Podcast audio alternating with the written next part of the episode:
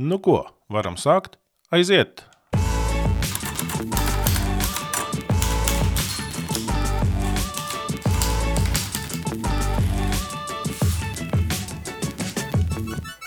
Misijā sarunās mēs runājam par tendencēm pasaulē, par cilvēku sūtību un arī par evaņģēliju. Tādēļ mēs laiku pa laikam runājam par dažādām Bībeles raksturvietām, kas palīdz mums iedot tādu plašāku perspektīvu un noankurojumu nekā tikai, ja mēs balstītos mūsu pašu personīgajā dzīvē un pieredzē. Šodien mēs sāksim četru sarunu sēriju. Reiz mēnesī mēs trijotā satiksimies, lai parunātu par vecās derības pravieti Jonu. Tā ir ļoti interesanta Bībeles grāmata, tā ir arī viena no vecākajām. Un, protams, kādiem liekas, tā ir tāda antīka leģenda, jo tur ir pat to jocīgo lielo zīvi un tā tālāk. Tāpat laikā, ja paskatāmies uz Jēzu, Jēzus daudzkārt uz Jonu atsaucās kā uz vēsturisku un īstu un reālu personu. Kā arī nebūtu Jonas grāmata ļoti interesanta. Šīs grāmatas centrā ir šis dieva vīrs, kas vairāk līdzinās nu, tādam spurainam pusaudzim kas dumpojās un uh, tieši dara visu diametrāli pretēji tam, ko Dievs no viņa sagaida. Dievs saka, ej tur, viņš ir pretējā virzienā.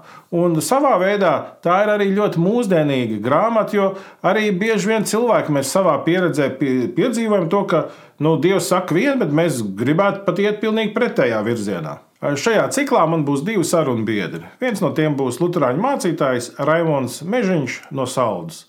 Viņš ir arī Svētā Gregora izglītības centra direktors. Otrs sarunbiedrs man būs eh, Baptistu mācītājs Edgars Mažis. Viņš ir arī Baltijas pastorālā institūta eh, pasniedzējs.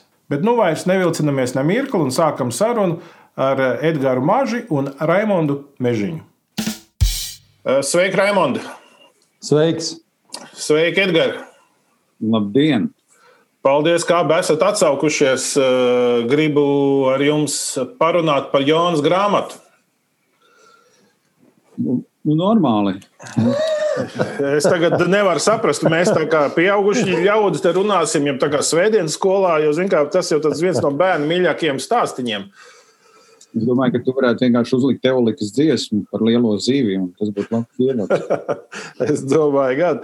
Bet uh, varbūt mēģināsim to virzīt tādos uh, pieaugušo ūdeņos, un uh, bišķīt palasīšu no Jonas grāmatas, un uh, tad uh, parunāsim, kas tur arī ir. Un, bet nu, sākšu ar pirmiem trīs pantiem. Kungs runāja uz Jonu, Amitaja dēlu. Celies ej uz lielo pilsētu Ninivu un apsauc turieniešus, jo viņu ļaunums ir nācis manā priekšā Bet Jona cēlās un bēga no kungu staršīšu un gāja uz Jafu, atrada kuģi, kas devās uz staršīšu, samaksāja ceļa naudu un kāpa kuģī, lai dotos uz staršīšu, prom no kunga. Nu, Edgars, sāksim ar tevi. Kas tad ir ar to Jonu? Kas viņš tāds ir un nu, ar ko šī grāmata tāda arī, ko viņa dara vispār Bībelē? Nu, liekas, pat nu, tur taču ir vairāk leģenda bērniem nekā kaut kas nu, no dievlietām. Nu, mēs būtībā esam 8. gadsimtā. To, ko tu nolasīji, tas ir 8. gadsimts pirms Kristus. Eh, Jerobeāms II valda un, eh, un Jona par, nu, būtībā mēs Jonas, teiksim, vārdu atrodam otrā ķēniņa grāmatā 14. nodaļā. Hmm. Un, un tur mēs redzam, ka ka tur parādās viņš Jona Amitai dēls no Gata Eferas. Uh, tā, tas nozīmē, ka teiksim, nu, viņš ir bijis ļoti sens pravietis, un arī grāmata ir ļoti sena. Un skatoties, teiksim, kas, kas tur parādās, viņš katrā ziņā ir vienīgais vecās derības pravietis, kurš mūk no dieva. Nu, tādā ziņā ļoti labs grāmatas iesākums, vai ne? Teiksim, tas kungs iedod tev Kā saka, vēsti, tev jāiet uz Nīnīvi, un tu vienkārši padod vagu. Tā vienkārši runājot. Bet tā, nu, viņš varēja būt, kā piederēja Zebulona ciltī, un kā nu, jā, viņš dzīvoja Jerabēm otrā laikā. Tas bija ziemeļu ķēniņš. Tad, kad Salamans nomira, tad Izraēla valsts sadalījās. Tad, tad tā sadalīšanās notika desmit pret divi. Desmit ciltis kļuva par Ziemeļvalsti, un, un Jūda un, un, un, um, un Benjamīns palika tur kā kā dienvidu valsts, jeb Jeruzalem, un, un kopš tā laika, kopš kaut kāda 922. gada uh, pirms Kristus, Ziemeļu valsti sauc par Izrēlu, un savukārt dienvidu valsti par Jeruzalem. Tas tāds varbūt konteksts. Um, viņš ir um, viens no četriem vecās derības praviešiem, uh, kurus Kristus piemin, kas ir arī ļoti interesanti. Jā. Vēl tie pārējie trīs ir Elija, Elīša un, un Jesaja. Un Jona, par to mēs droši vien kādā no reizēm runāsim. Mhm. -huh. Kāpēc Jēzus un Jona likās tik svarīgi pieminēt, pieminot. Bet uzreiz gribu sacīt, ka Jēzus pieminot Jonu absolūti nesaka, zini, tā bija tāda leģenda, mīts. Tur, tur tāds Jona vispār nekad nedzīvoja, ja, tāds, tāds skaista fikcija. Jēzus uzskatīja, pēc tā, kā viņš Jonu citēja, ka tas ir bijis reāls cilvēks, reāls stāsts, reāls notikums.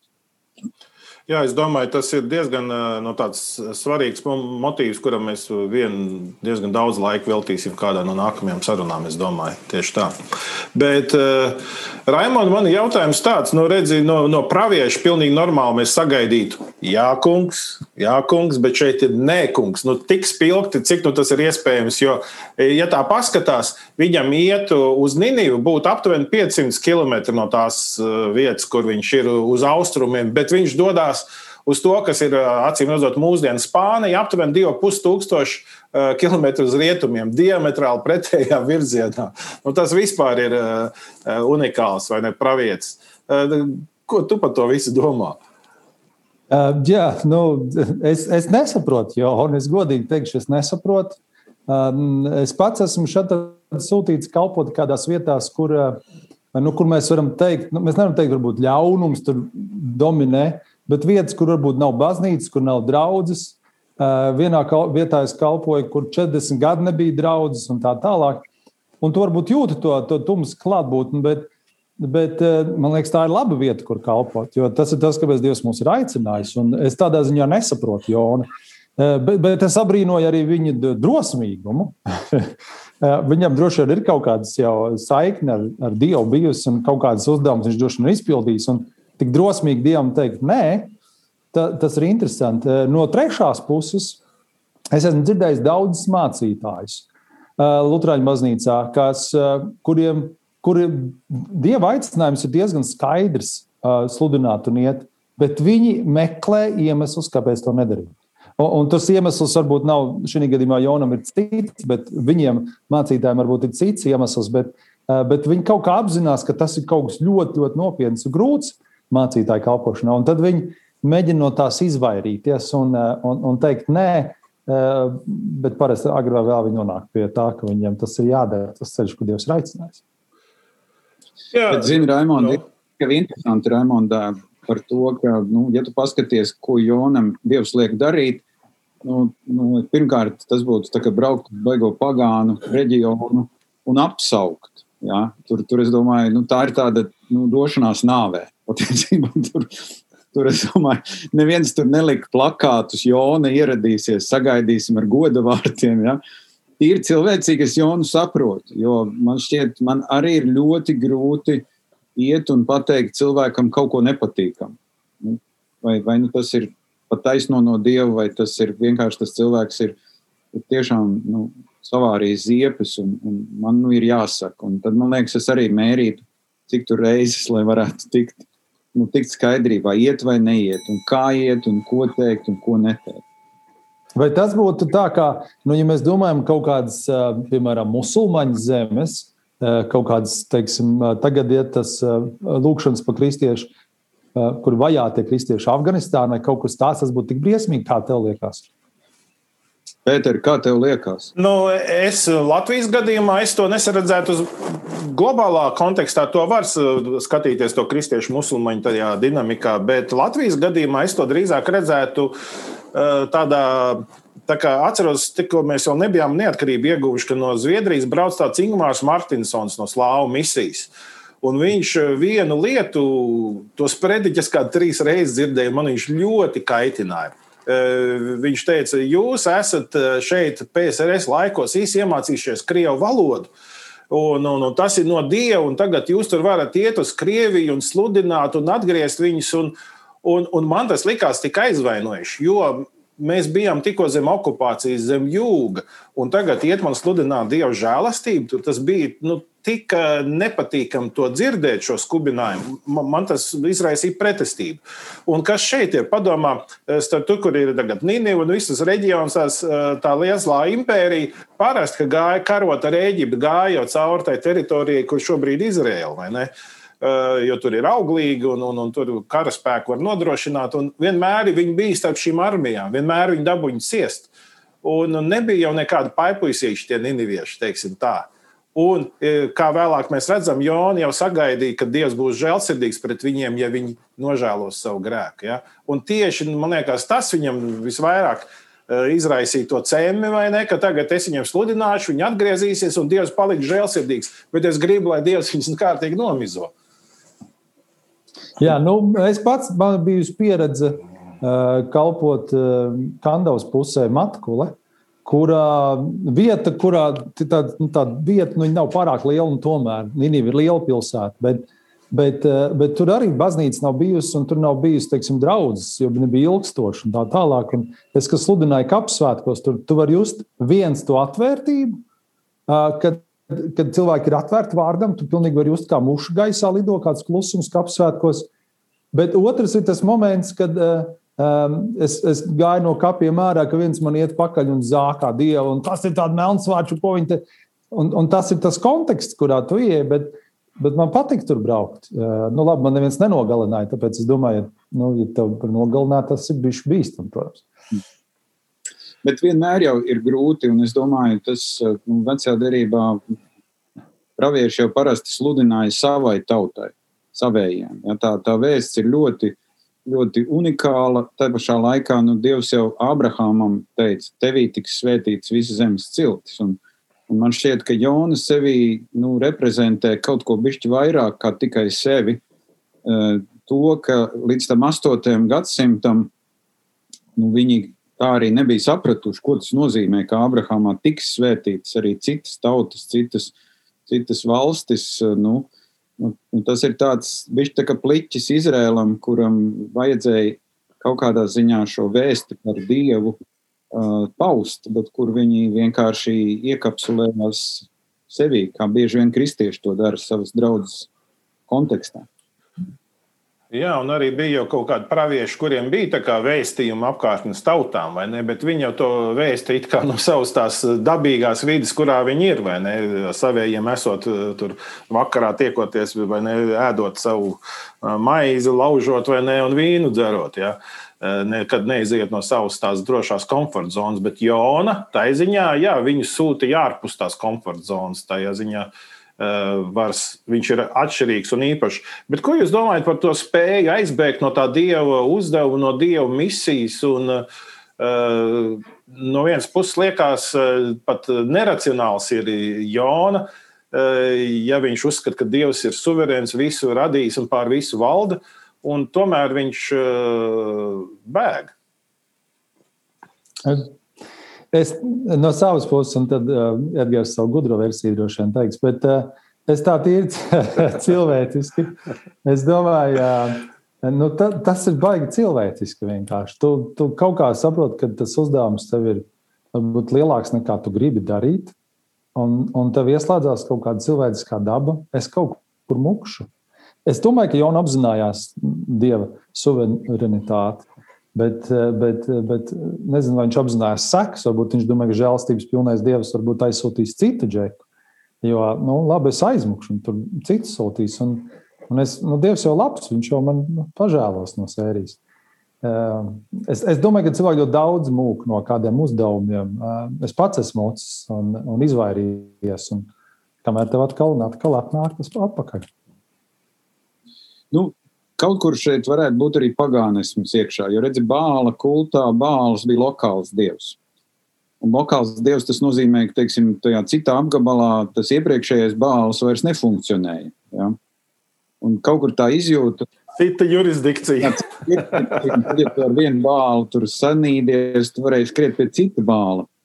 Nu, vai Jonam bija šī izjūta, ka viņš varētu nonākt vietā, kur dievam nav uztveršanas zona, Dievs, Dievs mēģina Jonu sazvanīt un izslēgt, vai atrodas ārpus uztveršanas zonas. To es nezinu, bet, bet nu, kaut kāds bišķi pagānisks elements te arī ir, jo, nu, paskaties, viņš jau, viņš jau nebrauc ar, patiesībā jau viņš nebrauc ar ebrejiem kopā tajā kuģī. Viņš brauc vienā pagānu kuģī.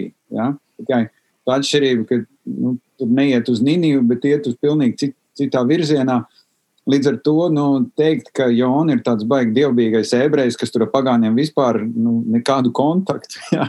Nu, nu, nē, viņš, viņš ir pietiekami kompromiss cilvēks. Ja? Viņš ir gatavs izmantot pagānu kuģi. Nu, arī varbūt cerībā, ka tur tie pagānu dievi varbūt arī kaut kā tur bišķi. nu, bet tie ir hipotētiski minējumi. Man patīk, Raimond, tava versija par to, ka no grūtiem uzdevumiem mēs tīri cilvēciski cenšamies, cenšamies bēgt projām. Un vēl arī tas, ka no tiem arī īsti nevar aizbēgt. Jā, jo tie ir tā, es domāju, skatos uz savu uh, dzīves gājumu ar tāds uh, tas, uh, misijas un misijas mobilizācijas motīvs man jau no pirmajiem gadiem manā kalpošanā visu laiku man pavada. Uh, Un tad vienā mirklī likās, nu, varbūt paliks viņa malā, vai kā viņš pats tur pabīdīsies, bet nekā, nu, viņš ņem un atgriežas. Nekādīgi netiek no viņa brīvs. Mm. Bet eh, paklau, nu, labi, palasīsim bišķī tālāk, eh, jo tagad uh, sāksies tās interesantās darbības no 4. panta. Bet kungs meta jūrā lielu vēju. Jūrā sacēlās liela vētra un kuģim draudēja salūšana gabalos. Jūrnieki izbijās un sauc ik viens uz savu dievu, un viņi iemet jūrā kuģa kravu, lai tas kļūtu vieglāks. Bet Jona bija nokāpis laivas dibenā un apgūlies, un cieši aizmidzis. Kuģinieks virsnieks piegāja pie viņa un teica: Ko tu guli tik cieši? Celies un sauc uz savu dievu. Varbūt Dievs mūs pamanā un mēs neejam bojā. Un tie sacīja viens otram: Nāciet un lozēsim, lai zinām, kura dēļ mums šis ļaunums ir noticis un tie meta lozes, un loze krita Jonam. Tad tie viņam sacīja, jau pastāst mums, kādēļ noticis šis ļaunums, kāds ir tavs amats, no kurienes tu nāc, kur tava zeme un no kādas tautas tu. Viņš sacīja tiem, es esmu ebrejs un bīstos kunga, debesu dievu, kas radīs jūru un savu zemi. Tad šie ļaudis bijās milzu izbailēm un sacīja, ko tādu esi nodarījis? Jo tie zināja, ka viņš bēg no kunga. Tādēļ, ka viņš tiem to bija jau pateicis. Nu, ir tā, ka, manuprāt, šī ir visprognozējamākā daļa visā šajā grāmatā. Jo, nu, ja tu no dieva beidz vai ne, un tu beidz pa jūru, vai ne, nu, ko tu vēl vari sagaidīt, kā tikai vētru? Raimond, ko tu domā par to visu? Jā, protams, mēs zinām, jaunā darbā, kā sacījās vētras un kurš viņas klusina. Bet man šeit uzrunāja sastajā pantā celies un sauc uz savu dievu. Mhm. Un tā ir tāda, tā ir tā iespēja jaunam pastāstīt par savu dievu, atkal savalkot ar šodienu kopā. Ka, ka tas ir tas, kur mēs, mēs esam kaut kādā pagānu vidū. Tad, tad nereti cilvēki varbūt netic dievam. Nu, kā mēs teiktu, kristieši, mēs esam pagānu vidū. Viņi netic dievam, bet tomēr, tad, kad ir krīze, Viņi saka, sauc uz savu dievu. Jā. Un tomēr kaut kas tur ir, kaut kam viņi tic, jā, viņi kaut kādiem saviem un tā. Es domāju, tā ir kaut kāda tāda, Dievs piespēlēja tādu iespēju Jonam tur uh, arī pasludināt viņiem. Nu, viņš bēg, ir tā kā ir, bet Dievs arī to situāciju uh, izmanto un vērš pa labu turpat, tur, kur viņš ir, tā jūrā, tajā kuģī. Uh, tur jā, nu tā tā Jonas gulēšana man atgādina kaut ko no, no Čāpiņa Jāņa, kurš brauc sievu lūkoties, ka viņš tur, at, viņam tur piedāvāja divreiz ēst, un ka viņš, nu, bija šausmīgi izsalcis. Viņš at, atteicās, un naktī, kad viņš gulēja, tad viņš gāja meklēt un sagāza to pieliekamo. Un tad, kad visi māja apšā, tad, tad viņš tur gulēja, un tad pēc tās piena piena, kā saka, tās, tās tām pēdām, viņi atrada, ka tas ir viņš, kas ir tur līdz pie tā pieliekamā. Šis, šis patiesībā ir ārkārtīgi tāds, man liekas, komisks moments, jo, nu, kā tu vari gulēt tad, kad ir tik drausmīga vētra? Jā, man jāsāk šaubīties, vai vispār viņš bija spējīgs gulēt. Jā. Jo, jo par, par tiem nu, spāņiem, ja tie ir spāņi, par tiem taršišas zvejniekiem, saka tā, ka nu, pasaulē patiesībā tie bija visizturīgākie tā laika pasaulē zvejnieki, kuri varēja izturēt visbriesmīgākās vētras. Un tad, ja tu tā padomā, ka tie, kur var izturēt visbriesmīgākās vētras, tagad ir panikā, uh mhm. -huh. nu, tad, tad Jonas gulēšana, bet, bet nu, tā, tā simboliski skatoties, man liekas, ir interesanti, ka nu, nu, vienā ziņā viņš ir arī tāds fatālists. Viņš ļoti labi zina, ka tas notiek viņa dēļ. Ja? Tas notiek viņa dēļ, viņš saka, nu tad, jā, viņš saka, es jau īstenībā es, mē, es mūku no dieva. Viņam pat arī tas nav. Zin, nu, tā no sērijas pastāstīt, tā, ka, zinu, kāpēc tu esi šeit uz kuģa. Nu, zini, es mūku no savu dievu. Ja? Nu, ok, tur entie bāli un entie saštartas, ja, nu, tu jau vari, protams, var aizmukt. Ja? Bet šis, man liekas, parāda to dieva pārākumu iepratī visai tai pagānu sistēmai, kurā, kurā nu, es domāju, tur, tur katram bija savs dievs, ko viņš pielūdza. Bet, bet viņi tomēr pat Jonam neko nesakot daudz. Es domāju, tas pirmais ir, kad viņš saka, tas kuģa virsnieks, viņš saka, celies un sauc savu dievu. Ja? Tur ir kaut kas, kaut kas bišķi vairāk kā tikai nu, viens no tiem pagānu dieviem. Ja? Jā, bet ar nedaudz mulsinoši, ka dievu pravietu uzrunā pagānu kuģa kapteinis. Viņš saka, sauc, sauc uz dievu. Ja, nu, teiksim tā, nu, ja, ja mani sāktu mācīt viens ierīnas pagāns, kā dzīvot garīgo dzīvi, kā veidot attiecības ar Dievu, nu, ja, ja, ja noiet līdz tam, ka tas eh, pagāns ir gudrāks par mani, nu, tad pilnīgi noteikti tas indicē, ka ir kaut kādas problēmas ar Dievu pravietu, vai ne? Eh, bet redz, cik interesanti sanāk, ka kādreiz pat uh, Dieva pravietis var nonākt situācijā, ka pat uh, vidusmēra pagāns par viņu ir gudrāks. Jā. Bet paklau viena dinamika, es gribēju arī tīri, ko es pamanīju. Eh, jāsaka, ja es nebūtu bijis tojos austrumos un tādā reģionā, tad varbūt es pat par to nebūtu tā īsti aizdomājies. Bet, eh, teiksim, tur, kur es esmu Jordānijā, kad braucu uz tajās misijās, Amāni aptuveni vienu kilometru virs jūras līmeņa. Un, teiksim, tā, kad mēs braucam uz nāves jūru, tas ceļš nu, visu laiku iet uz leju, iet uz leju, iet uz leju. Nu, šeit jau aptuveni līdzīga tā geogrāfija, tur, kur Jona nāk, varbūt nav tur kilometrs virs jūras līmeņa, bet viņš no, noiet no tādas augstienes, viņš nonāk līdz ostas pilsētai. Tas jau ir uz leju. Uh, un tad, kad viņš ir kuģī, atkal viņš atrod zemāko vietu. Un man liekas, vai tur arī kaut kas nav tāds, ka uh, dumpība un sacelšanās pret dievu un bēgšana no dieva ir jau tāds ceļš, kura tas vektors ir ar vienu kaut kur vērsts eh, ne tikai prom, bet arī savā veidā arī kaut kur uz leju. Tas man likās tā ļoti dīvaini, ka tas instinkts Jonā ir ar vienu, ar vienu uz leju, un nākamā nodaļā mēs lasīsim, tas būs vēl dziļāk uz leju. jā, nu, bet, jā, Edgars. Ziniet, nu, tā bija īstenībā vieta, kur varēja gulēt tur lejā. Nu, tu čaukšā uz klāja, tu negulēsi, tev tur nopūtīs viens, divi. Vētras kā, laikā. Vētras laikā īpaši, jā. Kā, kādā. Bet, Raimond, tev bija doma. Nē, nē, jā, nu, es pats piedzīvoju pavisam nesen tieši to, ka tu uh, liecies, ka tu tagad pats esi gudrs un tu zini. Uh, un, un tas ir tas mirklis, kad tur sākās šitā bet pēc tam aiziet aizvien tālāk un tālāk. Un tādā, tādā līdzībā es gribētu kā, saskatīt to, ko Pēters redzēja, ka, nu, ja tu aiziet no Dieva, tad tas, tad tas iet uz leju. Viņš, iet, viņš aiziet projām vai uz leju, vai kā tu to rādi, bet, bet aiziet līdz mirklim, kad tu atzīsti. Ka tu esi aizgājis. Un tas ne, nenotiek ātrāk, bet nu, to mēs uz priekšu runāsim. Ātrāk tas nenotiek. Tev ir, tur jāsaprot, kur ir bijis tas aiziet prom, kur tu neesi paklausījis. Bet, bet Pēter, atgriežoties pie tā, ko tu teici, ka tur pagānu virsnieks tagad pravietim saka, lai lūdzu Dievu, man šķiet, ka tas notiek arī mūsu ikdienā, ka dažreiz cilvēki, kuri nav saistīti ar kristietību, viņos ir kaut kāda īpaša dievišķa gudrība, kur viņi pat neapzinās. Es atceros, man bija viens gadījums, kad man tur uz daudziem gadiem uzbruka un, un, un atņēma naudu, un tad es tur ar vienu pat bija ceļu policists, un mēs tur braucām meklēt, vai tos vīrus varētu atrast. Un, Un mēs neatradām tos vīrus, bet beigās tas policists man paskatījās. Viņš šeit zina, nu, tāpat jau naudu nezog cilvēkiem. Kaut kas varbūt jums tā attiecībās ar Dievu nav. Es teicu, ka es esmu mācītājs. Jā. Viņš šeit nočakojiet savas attiecības ar Dievu. Un, Un es domāju, bācis, nu, baigā gudrība. Ja? Jūs sācat sakat, taisnoties, saka, nē, nē, man viss kārtībā. Ja? Bet dažreiz man liekas, tieši no to cilvēku mutes Dievs iedod tādu ļoti spēcīgu vēstu. Nu, līdzīgi kā ēzelis, kas sāk runāt, mēs zinām, jā, Bībelē, vai, vai akmeņa brēks, ja šie nerunās. Nu, kaut kas tur ir. Pat pa, pagāns var sākt runāt uz tevi, mācītāji, vai pravieti, jā, kas, kas jau bija diezgan augsts pāri visiem ķēniņiem un tā.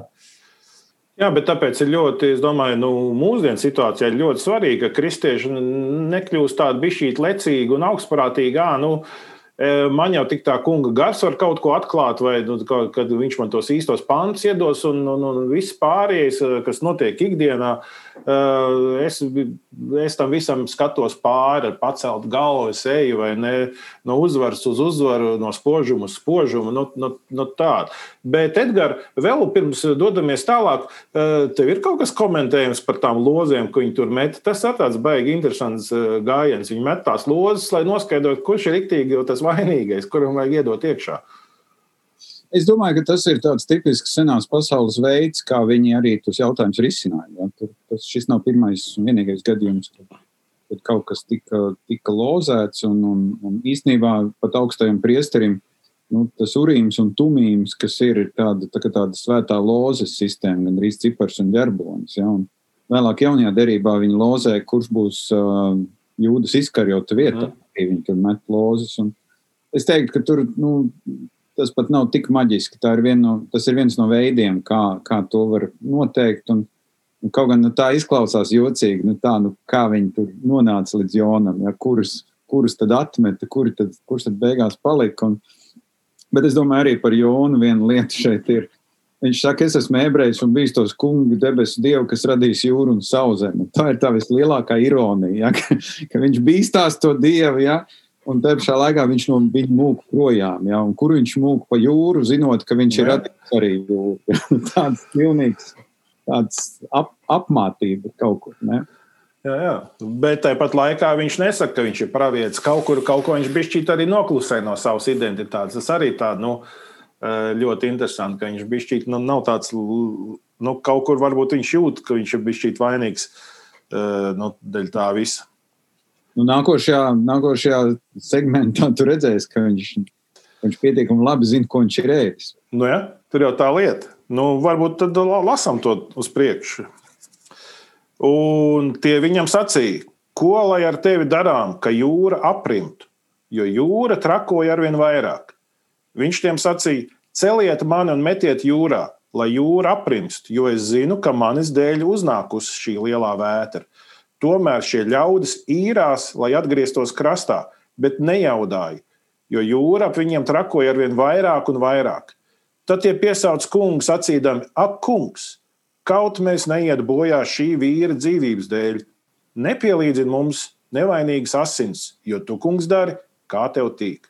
Un tie cēla jonu un iemet viņu jūrā, tad jūra mitējās trakot. Tad šie ļaudis bijās kunga milzu izbailēs upurēja kungam un deva zvērestus. Nu, tāda ir šī pirmā nodaļa. Nu, nu, ko tad mums jāsaredz šeit? Nu, viņi atgriezās pie īstā dieva, ja tā var teikt. Ja viņiem sākumā bija katram savs, tad viņi redzēja, ka tas tur īsti nešancē. Eh, bet, eh, bet es domāju, nu, tas, ka viņi piesauca Izraēla dievu, piesauca kungu, Jahvi, nu, tas ir ārkārtīgi, nu, ārkārtīgi fascinējoši. Un tā, man liekas, ir tāda, nu, ja tā var teikt, spožākā atgriešanās pie Dieva. Ja tā, nu, ja tā paskaties, ja tur, protams, tas ir krīzes apstākļi, bet, uh mhm. -huh. bet viņi, redz, viņi redz Izraēla Dievu pārākumu iepratī saviem dieviem šajā brīdī. Bet interesanti, nevienmēr atkal dzīvē tas tā ir. Pie cilvēkiem ir tas, protams, daudz kur redzēts, ka eh, pagāni piedzīvo kādu kristiešu lūdzu un šīs lūkšanas viņus uzrunā. Eh, man reiz bija eh, Lutāņu baznīcā iesvētas mācība. No vienas bija iesvētība dalībnieks, un nu, viņš bija tāds rītīgi pagānismā iekšā. Bet es viņu izaicināju. Es saku, tu palūdzi savus pagāndienus, redzē dievus, un tu redzēsi, kas tev notiks, un tu pielūdzi trīsvienīgo dievu. Un nākamajā iesvētas mācībā viņš atpakaļ Es saku, nu, kaut ko darīju. Viņš saka, jā.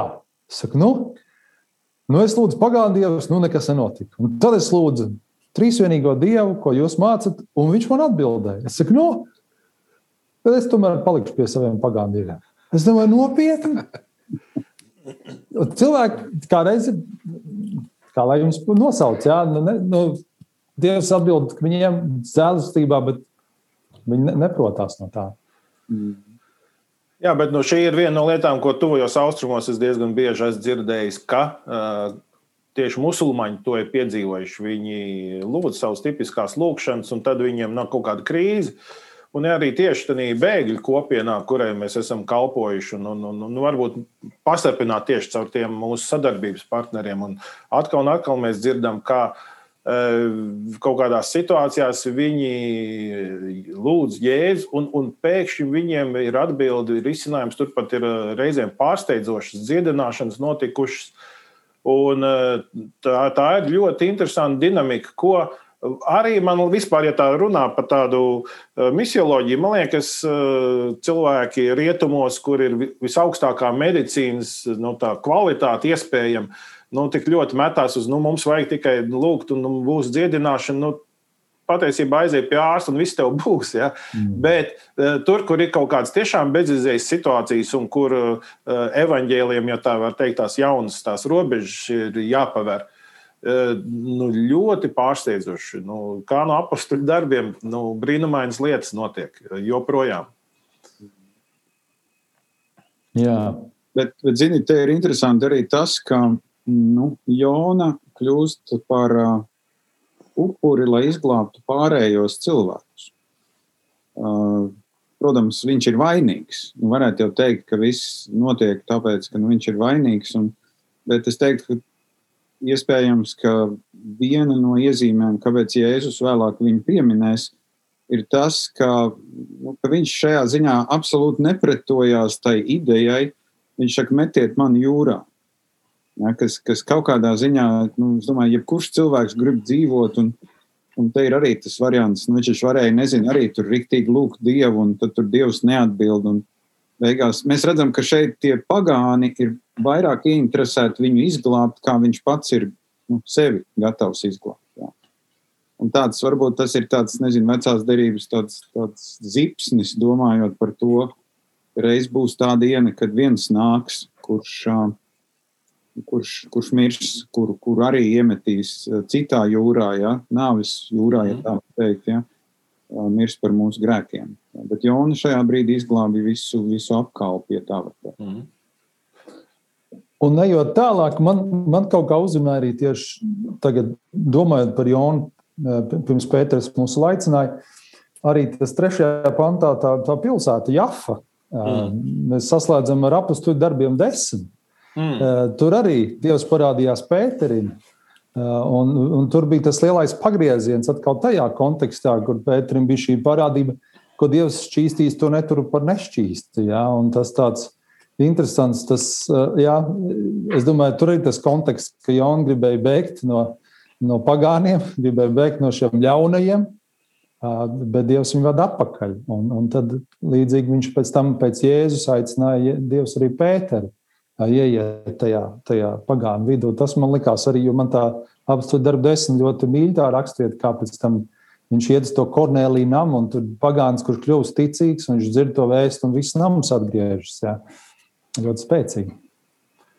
Nu, būtībā šeit jau arī, šeit jau arī tie kuģi ļaudis. Es domāju, mm. tas, kā viņi reaģē, tas ir tik ļoti netipiski, nu, ka viņi saka, ka kungs, kaut mēs neiet bojā šā vīra dzīvības dēļ, nepielīdzina mums nevainīgas asins.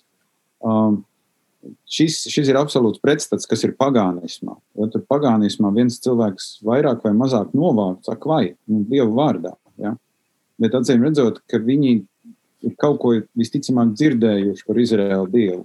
Es domāju, ka šis te jau, ir, te jau runā nobrieduši kristieši, ja tā var teikt.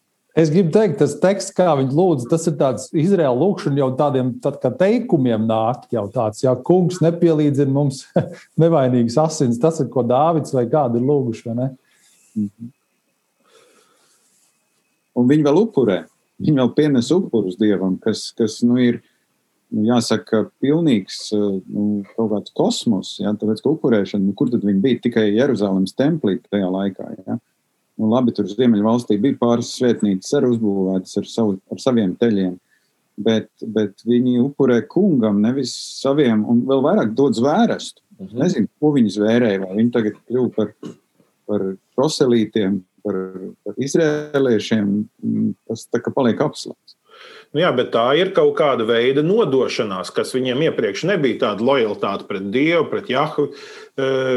Tas ir kaut kas jauns, pilnīgi līmenis. Un, un šeit arī liekas, ka nu, nu, Jona it kā par to nebūtu gaidījis. Jā. Un, bet viena no lietām, ko es gribēju vēl nu, tā, skatīties, tieši man uzrunāja tas, ka Jona saka, metiet mani jūrā.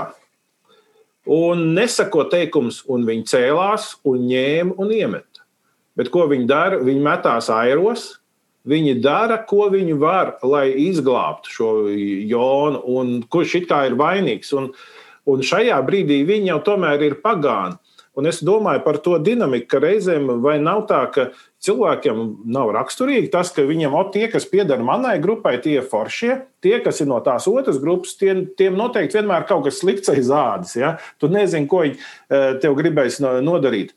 Un, eh, un šeit ir tas. Eh, nē, tie pagāni patiesībā tā vietā, nu, nu tad beidzot mums būs miers, vērta norims. Nē, viņi dara, ko var ja, lai palīdzētu Jonam, lai izglābtu, pavilktu ilgāk viņa dzīvību. Un te tieši tas aspekts, ka reizēm var izrādīties, ka tie, kas nav dievu ļaudis, ir pat labāki cilvēki nekā dievu cilvēki. Cilvēciski tā, tā tiešām ik pa laikam ir. Atcerēsimies arī, tad, kad eh, jaunajā derībā slīka, kā, kā šie tur airējās, kā traki cilvēciski. Un pa laikam mēs cilvēciski gribam izdarīt daudzas lietas, un cilvēki arī dara. Un tad, nu, tad Dievs vienkārši parāda, nu, nē, šeit ir cita, šī, cita ģēle, te ir mans, mans pasākums. Tad, šī tas ir mans vīrs, man vajag ar viņu tikt galā. Nu, jā, un redziet, tas interesantais ir, ka Jona, nu, vienīgais, ko viņš pateica, ka viņš bīstās Dievu, viņš nekādu evanģelizāciju tur neveica, bet, bet ar to pilnīgi pietika, lai Dievs izdarītu savu darbu. Un, Un dažreiz varbūt mēs esam ļoti kritiski par to, kā Kristus tiek sludināts. Mēs sakām, nu, tur viņš tur visu sabojāja, un viņam tur bija tāds motīvs un tā tālāk. Uh, bet man mums vienmēr jāatcerās, ka, ka Dievs ir lielais režisors, kas, nu, kas ir nomodā par šo situāciju. Ja? Tur, tur, tur nav tas, ka pēc tam Jonam varētu iedot ordeni par to, ka viņš veiksmīgi noslīta un, un, un gribēs ticamāk. Es nedomāju ka Jonam bija jebkādas cerības, ka viņš izglābsies. Tas, tas arī tāds baigais fatālisms no sērijas. Nu, nu, ka nav, tad nav. Ja uz Nīnu neaizbrauc, uz Taršišu arī netikšu, no Dieva aizbēgt nevar. Nu, tad labi, neliec rokas un mirst. Jā. Man jau liekas, ka uh, Jona ar to savu klātbūtni bija uh, tomēr noderīgs uz kuģa.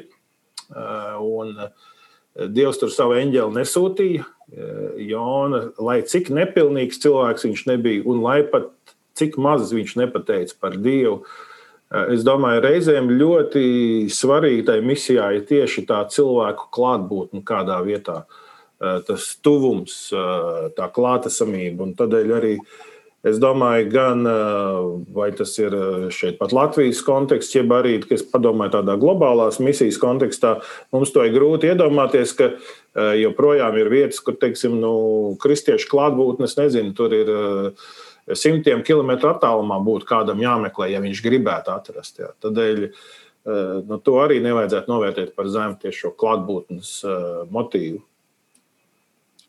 Jā, šis ir tas laiks, kad uh, Man ļoti patīk kaut kur aizbraukt. Dažādu iemeslu dēļ. Es neesmu tāds nu, tīrs misionārs, bet vai tās pasākumu konferences, vai kur patīk dažādas tautības, kristiešus un tā tālāk. Un šis Covid laiks, tas, kas grūti ir, ka tu nevari īsti. Un, un, un man pilnīgi prasās, tagad, ja tu pieminēji uh, Pēteru par Krieviju, vēl kaut kur es tieši esam domājuši, kāda Krievijas vieta, lai arī ne, ne, neviegli tur ir un grūts tas laiks, bet stiprināt tos, kas ir kristieši, stiprināt tos, kas vai kādas citas valsts. Jā. Es domāju, ka tas ir vēl joprojām ļoti, ļoti svarīgi. Nu, es nezinu, varbūt kādā no citām epizodēm arī nu, es esmu saticis tos kristiešus, kas ir tagad no Nīderlandes, ja, no Mosulas pilsētas, no tās apkārtnes. Jordānijā satika arī nu, interesanti cilvēki, spēcīgas liecības, un arī dažas pat ļoti dramatiskas, teiksim, kur viens jauneklis stundām tika karināts elektrības vados aiz kājām, galvu uz leju, un joprojām bija rēts redzams. Nu, Eh, tādēļ eh, katrā gadījumā nu, pieminēsim to, ka dzīvojam labklājībā, ka ir vietas, kur eh, kristiešiem ir pilnīgi cits upuris nesams savas ticības dēļ. Bet gribu teikt paldies Raimondam, paldies Edgars par šo sarunu. Un, nu, turpināsim jau atkal pēc mēneša, tad pa otro nodaļu tur būs arī ļoti interesanti. Jā, paldies, paldies, ka aicināt. Būs labi, jā. Paldies, Pēter. É Visu labu!